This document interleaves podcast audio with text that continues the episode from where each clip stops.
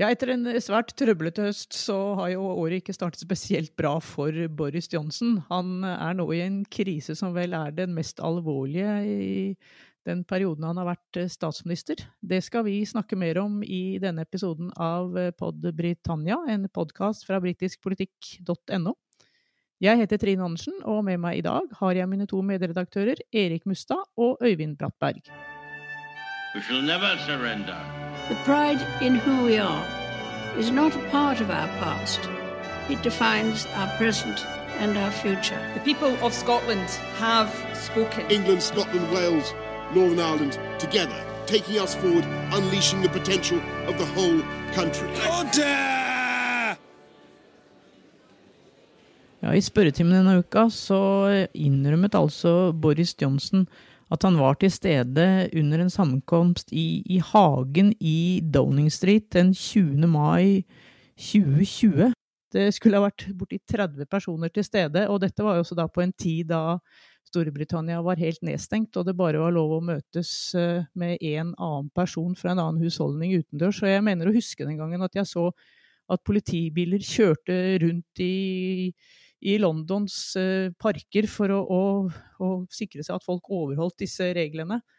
Og Johnson han startet altså denne eh, redegjørelsen sin i, eh, i Underhusets spørretime på, på, onsdag med å unnskylde, men samtidig så sa han at, at, dette var nok et arbeidsmøte, og at han ikke teknisk sett hadde brutt noen koronaregler. Og det, litt, eh, ikke bare litt, men veldig merkelig er denne forklaringen. Og vi tenker på at lekkede e-poster har jo vist at folk har blitt bedt om å ta med seg sin egen sprit eller vin til denne sammenkomsten. Og, og Erik, jeg lurer litt her. Denne, et forbeholdende for unnskyldningen, kan vi vel egentlig si her fra, fra Boris Johnsen. Har det, har det, gjort det vondt verre for ham? Vi hører jo nå at det er mange av hans egne som krever hans avgang. Det er et veldig godt spørsmål om det har gjort vondt verre for han. For den unnskyldningen han kom med i spørretimen onsdag var såpass patetisk, med såpass mange forbehold, at det nesten ikke kan regnes som en unnskyldning. Og så unnskylder han heller ikke selve partiet. Han unnskylder måten folk oppfatta at han brøyt restriksjonene på med å være til stede på dette partiet. Partiet skulle aldri ha funnet sted. Men uh, så, så virker unnskyldningen såpass patetisk fordi at han han kommer med disse her eh, eh, forklaringene om at han bare var til stede i en halvtime, eh, og at han trodde det var et arbeidsmøte. Han eh, så ut som han var sterkt prega av situasjonen da han redegjorde for dette i Underhuset og svarte på betimelige spørsmål fra opposisjonsleder Kier Stamer.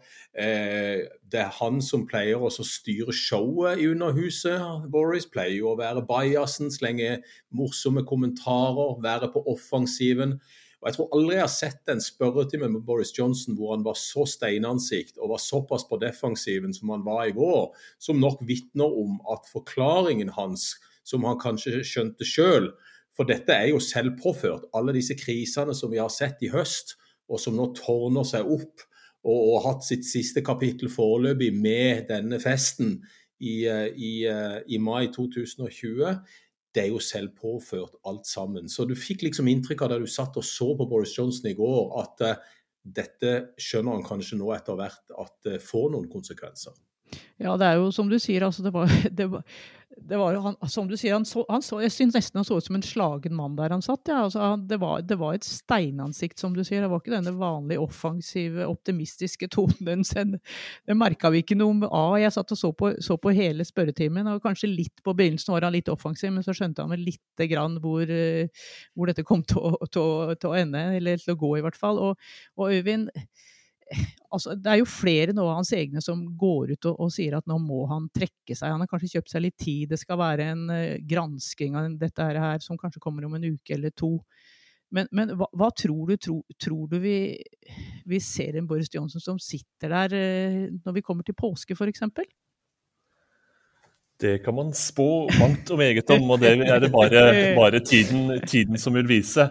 Det som er sikkert, er at, vi, vi, at, at uh, Boris Johnson uh, og hans krets har gått inn i en, en, en fase her som er gjenkjennelig fra, gjenkjennelig fra tidligere uh, statsministerskifter i, uh, i, i, hans parti, hvor det reises tvil omkring personlig moral og dømmekraft, og hvor det helt åpenbart er knuter på tråden overfor eget, egen parlamentsgruppe. Og hvor potensielle rivaler eller utfordrere har begynt sine sonderinger og er nøye med hvordan de nå formulerer seg i, i sin kritikk eller kommentarer til, til, til, statsministeren. Så man er i et landskap nå som er hvor logikken trekker i retning av en, en uh, utfordring og, et, og en, en, diskusjon omkring hans Ikke bare en diskusjon, men en, en prosess omkring hans videre, videre ferd som, som, statsminister. Men om man trykker på startknappen for konkret voteringer over hans lederskap osv., det er det de nærmeste ukene og, og kanskje månedene vil, eh, vil, vise. Først av alt så skal det være denne interne utredningen i regjeringsapparatet omkring eh, festen som fant sted den gangen, og tilliggende, tilliggende herligheter. Men vi er veldig nær en situasjon nå hvor eh, Boris Johnson konkret utfordres, og hvor det blir et, et, et oppgjør. Enten, så, så må, enten, skal han bli sittende, og, og, grunnleggende ting må endres og forbedres. Eller så må man få en etterfølger eh, på plass.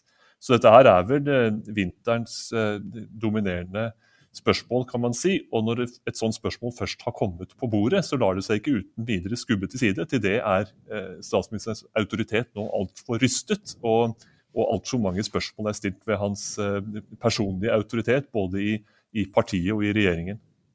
Ja, dette spørsmålet kommer det til å gå nå. Det var jo faktisk første gang at uh, opposisjonsleder eh, sir Keir Starmer stilte det i, i spørretimen i, i, går. Han spurte han det, det, direkte kommer, nå må du gå, statsminister. Og det, også, det, viser jo også alvoret i det at nå, nå, hiver også Starmer seg på et så direkte spørsmål til Johnson. Men Erik, skal vi minne litt om reglene her? Hva skal til for å, at uh, Det konservative partiet får en ny leder? Det er jo ikke bare gjort på en dag. Nei da, det er ikke bare gjort på en dag. Og som Øyvind sier, vi er i et landskap nå hvor det må skje ting hvis han skal bli sittende. Eh, grunnleggende endringer både i hans atferd, eh, i det politiske bildet eh, og internt i partiet.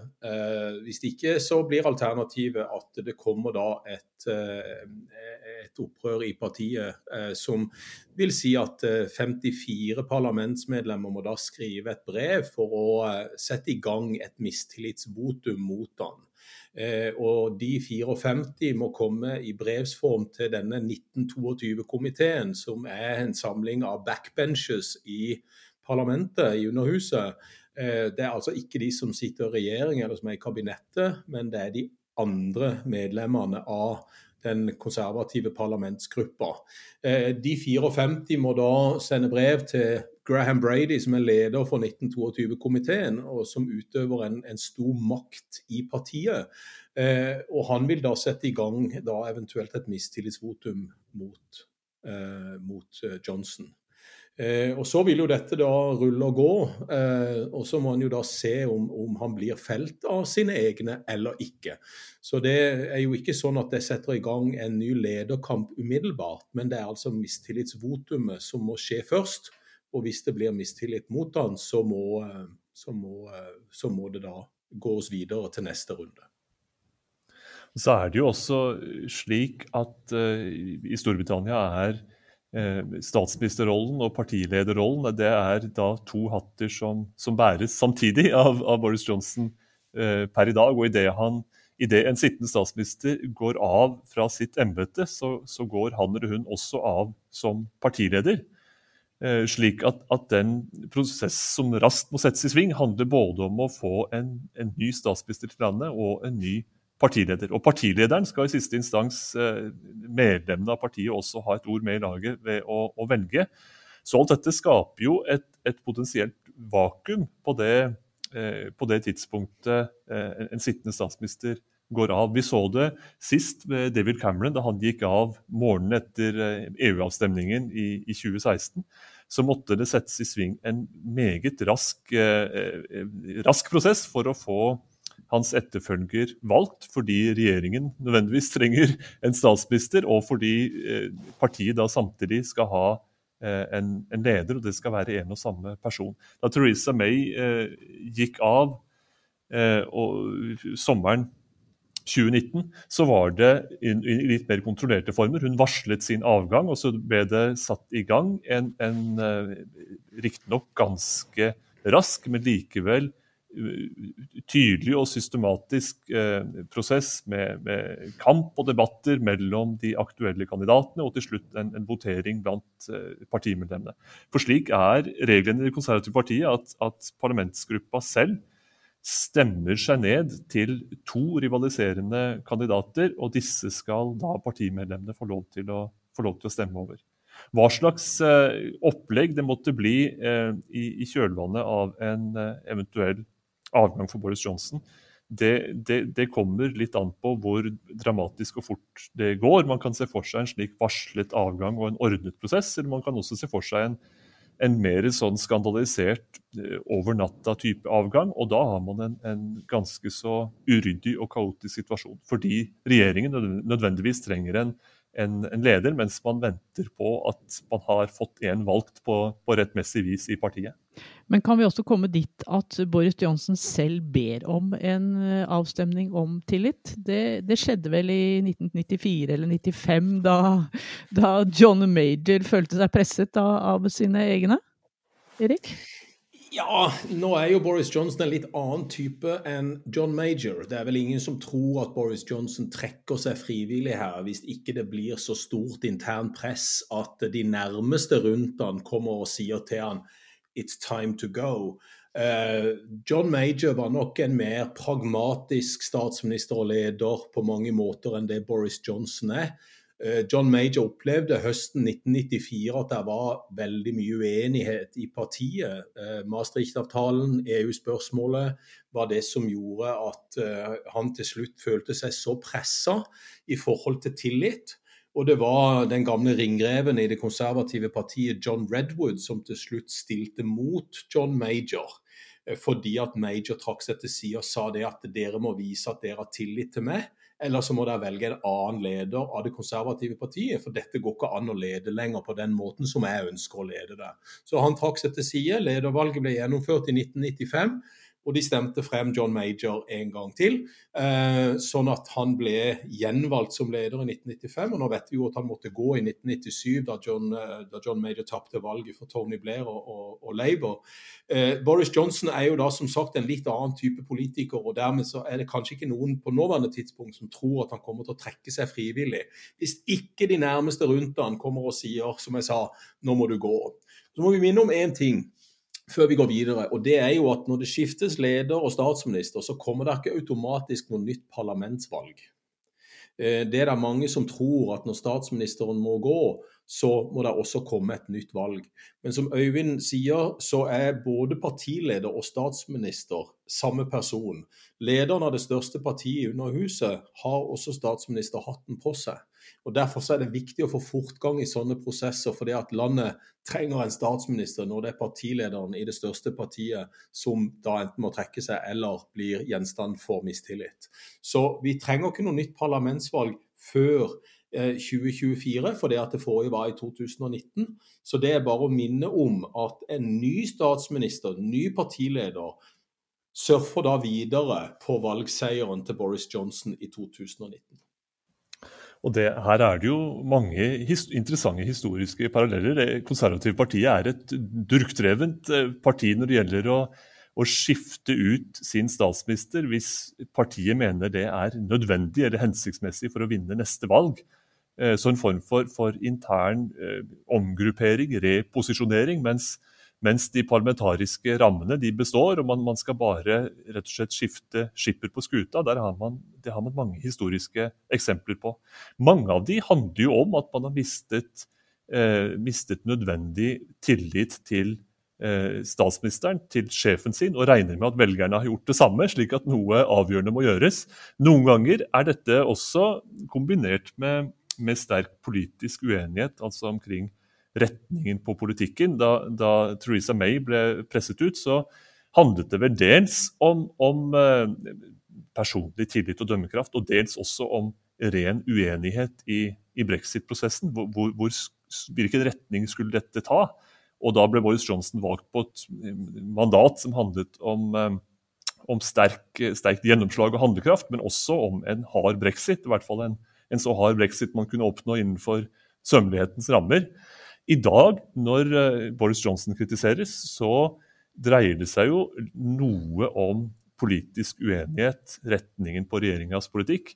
Men først og fremst så handler det om at det har blitt reist så sterk tvil om, eh, om, hans personlige dømmekraft, og ikke minst denne sterke symbolikken i at man har gått gjennom en, en eh, nasjonal lidelse som koronapandemien eh, har, har, vært, og at man da parallelt har hatt en, en indre krets omkring statsministeren selv, som tilsynelatende har, har festet og og spilt langs sine egne regler rett og slett, og etablert noe som er helt annerledes fra hva vanlige folk har hatt eh, mulighet til og anledning til, og at det ligger personlig umoral i dette her. Det er det fremste, det fremste ankepunktet mot, eh, mot, Johnson.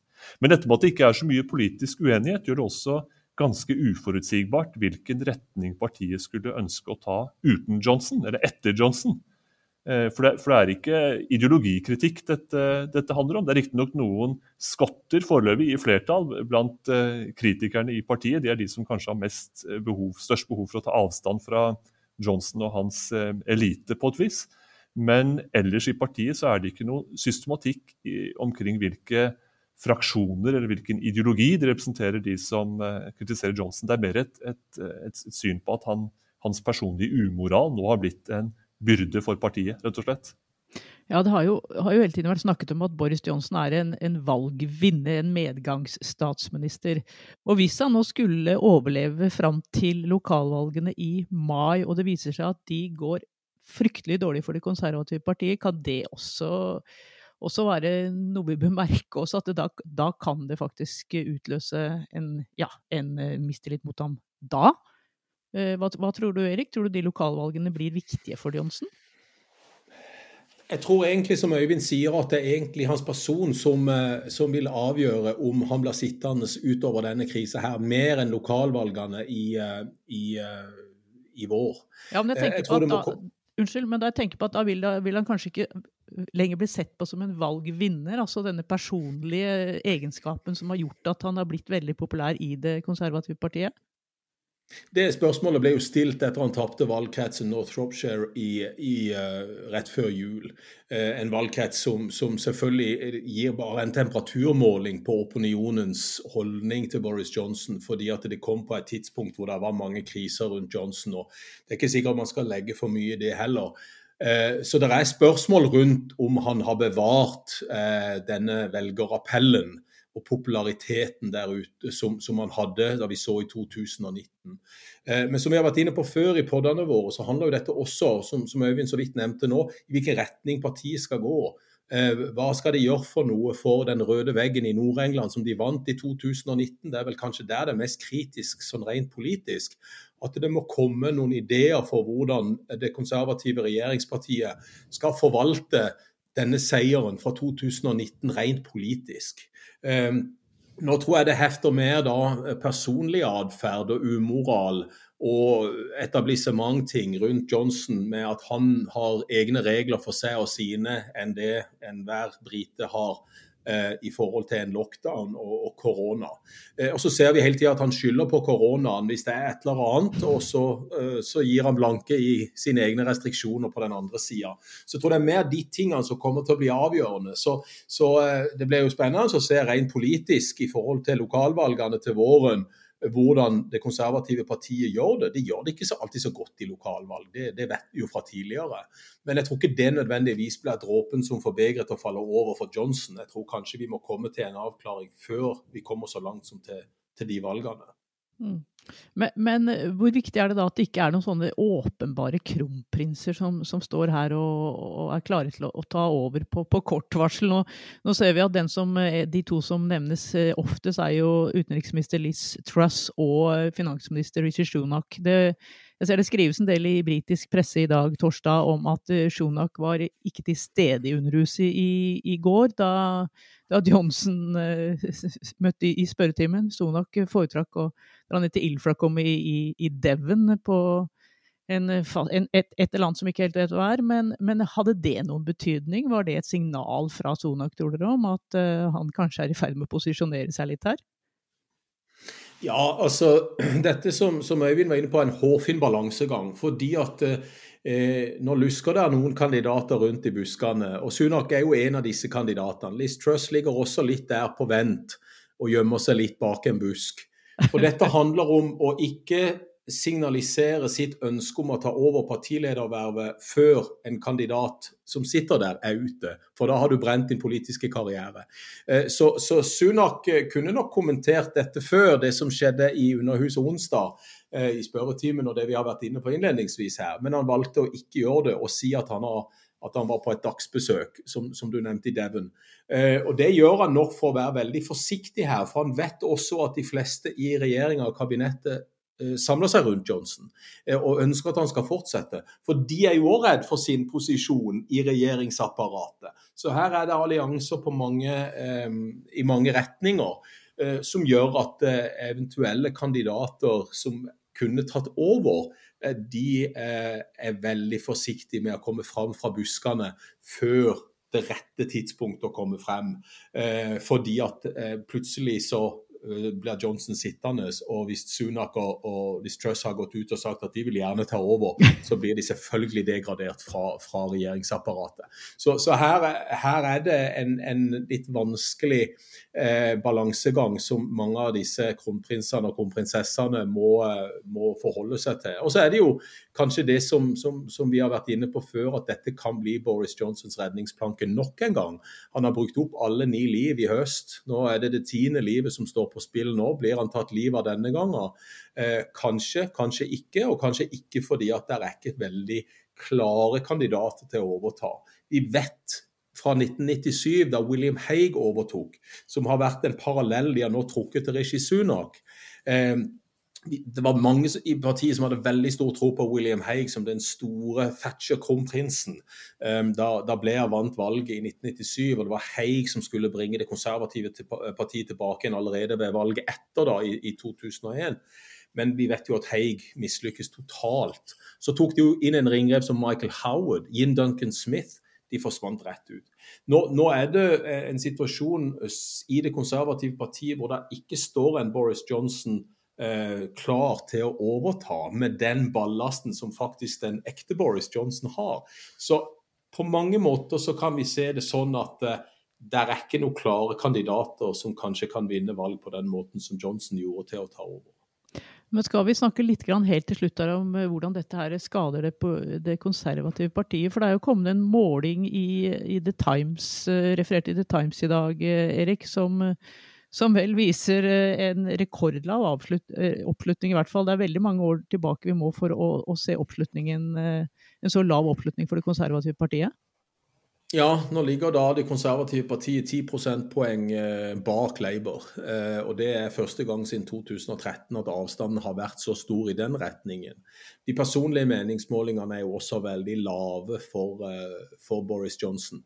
Og sånn blir det når man tar en meningsmåling rett etter dette sirkuset vi så i spørretimen på onsdag, hvor Boris Johnson kom veldig dårlig ut, og vi så kanskje en opposisjonsleder, Keir Starmer, på offensiven på en måte som vi aldri har sett han før. Og han kjørte breisida mot Boris Johnson på en sånn måte som gjorde at hvis man da tar en meningsmåling rett etterpå det, ja, så vil selvfølgelig avstanden være veldig stor. Men dette er jo det som vi har vært inne på tidligere, at blir det en personlig byrde for partiet med den atferden som han har hatt, ja, da vil det også skade politisk i, i form av lavere oppslutning.